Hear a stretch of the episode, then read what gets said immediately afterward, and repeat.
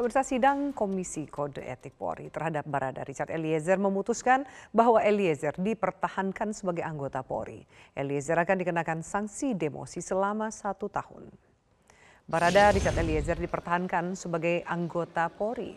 Karopenmas Divisi Humas Polri Brigjen Pol Ahmad Ramadan mengatakan hasil sidang Komisi Etik menyatakan bahwa Barada Eliezer terbukti melakukan pelanggaran etika. Eliezer tidak dipecat namun akan dikenakan sanksi demosi selama satu tahun.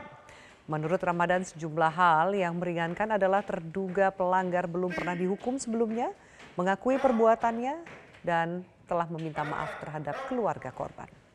Sidang dugaan pelanggaran etika dalam kasus pembunuhan Brigadir Yosua Huta Barat berlangsung di ruang TNCC Mabes Polri Jakarta. Barada Eliezer menggunakan pakaian dinasian Makorps Bayangkara. Pimpinan sidang terdiri dari Kombes Pol Sakyus Ginting, Kombes Pol Imam Tobroni, dan Kombes Pol Hengki Wijaya. Sidang juga turut dihadiri sejumlah saksi dan Komisioner Kompolnas Beni Mamoto dan Pungki Darti. Pasal yang dilanggar. Pasal 13 ayat 1 PP nomor 1 tahun 2003 tentang pemberhentian anggota Polri Junto pasal 5 ayat 1 huruf O dan atau pasal 6 ayat 2 huruf B dan atau pasal 8 huruf B dan huruf C dan atau pasal 10 ayat 1 huruf F dan atau pasal 10 ayat 1 huruf A angka 5 Perpol nomor 7 tahun 2022 tentang kode etik profesi dan Komisi Kode Etik Polri. Pertimbangan hukum dalam pengambilan putusan sidang KKEP. Satu, terduga pelanggar belum pernah dihukum karena melakukan pelanggaran, baik disiplin, kode etik, maupun pidana. Dua, terduga pelanggar mengakui kesalahan dan menyesali perbuatan. Tiga, terduga pelanggar telah menjadi justice kolaborator atau saksi pelaku yang bekerja sama di mana pelaku yang lainnya dalam persidangan pidana di pengadilan negeri Jakarta Selatan berusaha mengaburkan fakta yang sebenarnya dengan berbagai cara merusak, menghilangkan barang bukti, dan memanfaatkan pengaruh kekuasaan. Tetapi justru kejujuran terduga pelanggar dengan berbagai risiko telah turut mengungkap fakta yang sebenarnya terjadi. Empat, terduga pelanggar bersikap sopan dan bekerja sama dengan baik selama di persidangan sehingga sidang berjalan lancar dan terbuka. Lima, terduga pelanggar masih berusia muda, masih berusia 24 tahun, masih berpeluang memiliki masa depan yang baik, apalagi dia sudah menyesali perbuatannya, serta berjanji tidak akan mengulangi perbuatannya di kemudian hari. Enam, adanya permintaan maaf dari terduga pelanggar kepada keluarga Brigadir Joshua di mana saat persidangan pidana di Pengadilan Negeri Jakarta Selatan terduga pelanggar telah mendatangi pihak keluarga Brigadir Joshua bersimpuh dan meminta maaf atas perbuatan yang terpaksa sehingga keluarga Brigadir Joshua memberikan maaf. Tujuh, semua tindakan yang dilakukan terduga pelanggar dalam keadaan terpaksa dan karena tidak berani menolak perintah atasan.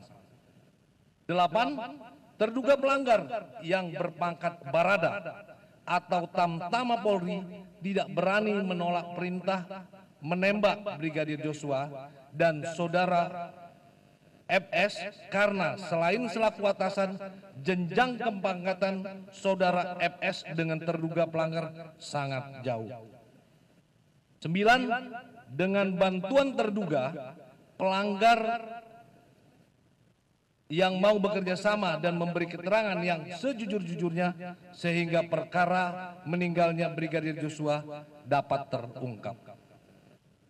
Sesuai pasal 12 ayat 1 huruf A PP Republik Indonesia nomor 1 tahun 2003, maka komisi selaku pejabat yang berwenang memberikan pertimbangan selanjutnya berpendapat bahwa terduga pelanggar masih dapat dipertahankan untuk tetap berada dalam dinas Polri. Putusan sidang KKEP.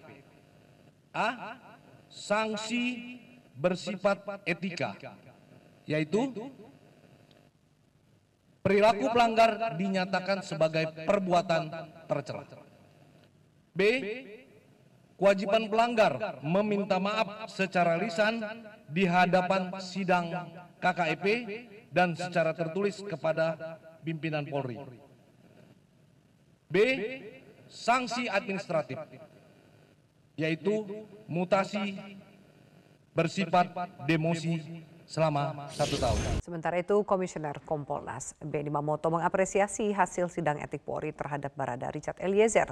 Beni berharap putusan ini bisa diterima masyarakat dan para pendukung Eliezer di persidangan. Kami mengikuti secara penuh bagaimana proses pembuktian yang dilakukan.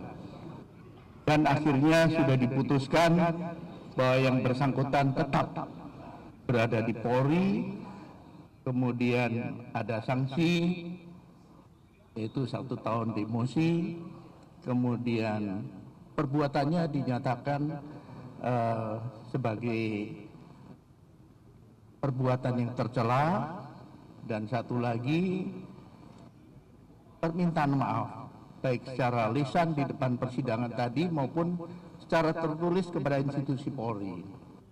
Jadi mudah-mudahan dari hasil sidang ini publik khususnya yang mendukung uh, Eliezer dalam artian karena sudah mengikuti persidangan secara terbuka selama ini dalam kasus pidana bisa mendapatkan jawaban akhir dari perjalanan proses hukum terhadap Eliezer.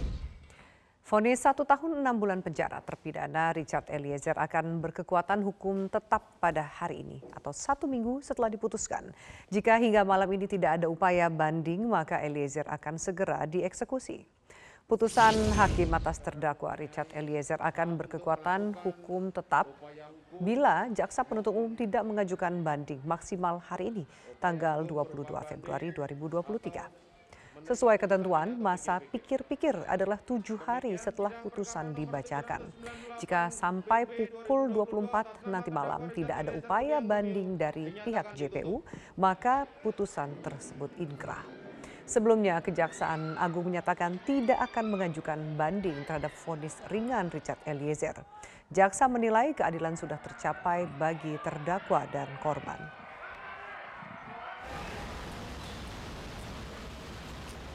Kepala Kejaksaan Negeri Jakarta Selatan, Syarif Sulaiman Ahdi mengatakan pihaknya akan segera melakukan eksekusi atas putusan ini. Pihaknya akan berkoordinasi dengan LPSK terkait di mana Eliezer akan menjalani masa pemidanaan.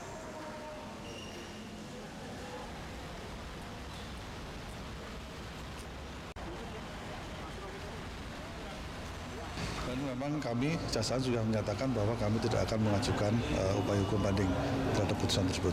Sehingga untuk selanjutnya ya kami sebagai jaksa akan melakukan eksekusi terhadap putusan hakim tersebut. Ya. Untuk eksekusi itu sedang kami persiapkan tempatnya, ya, tempatnya sedang kami persiapkan. Kami ada beberapa pertimbangan, ya, beberapa pertimbangan untuk menempatkan yang bersangkutan nanti, tentunya di mungkin di lapas, ya, atau di yang lain. Kami juga sedang berkoordinasi dengan LPSK.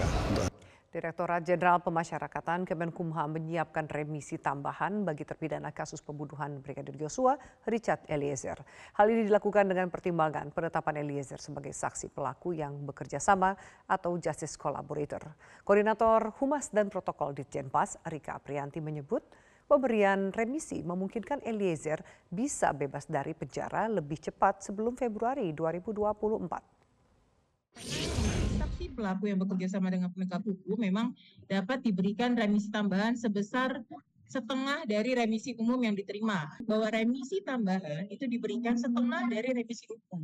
Remisi umum itu diberikan setiap tanggal 17 Agustus. Berarti eh, berapa remisi yang didapatkan, kapan remisi yang didapatkan itu akan kita ketahui pada tanggal pada tanggal 17 Agustus.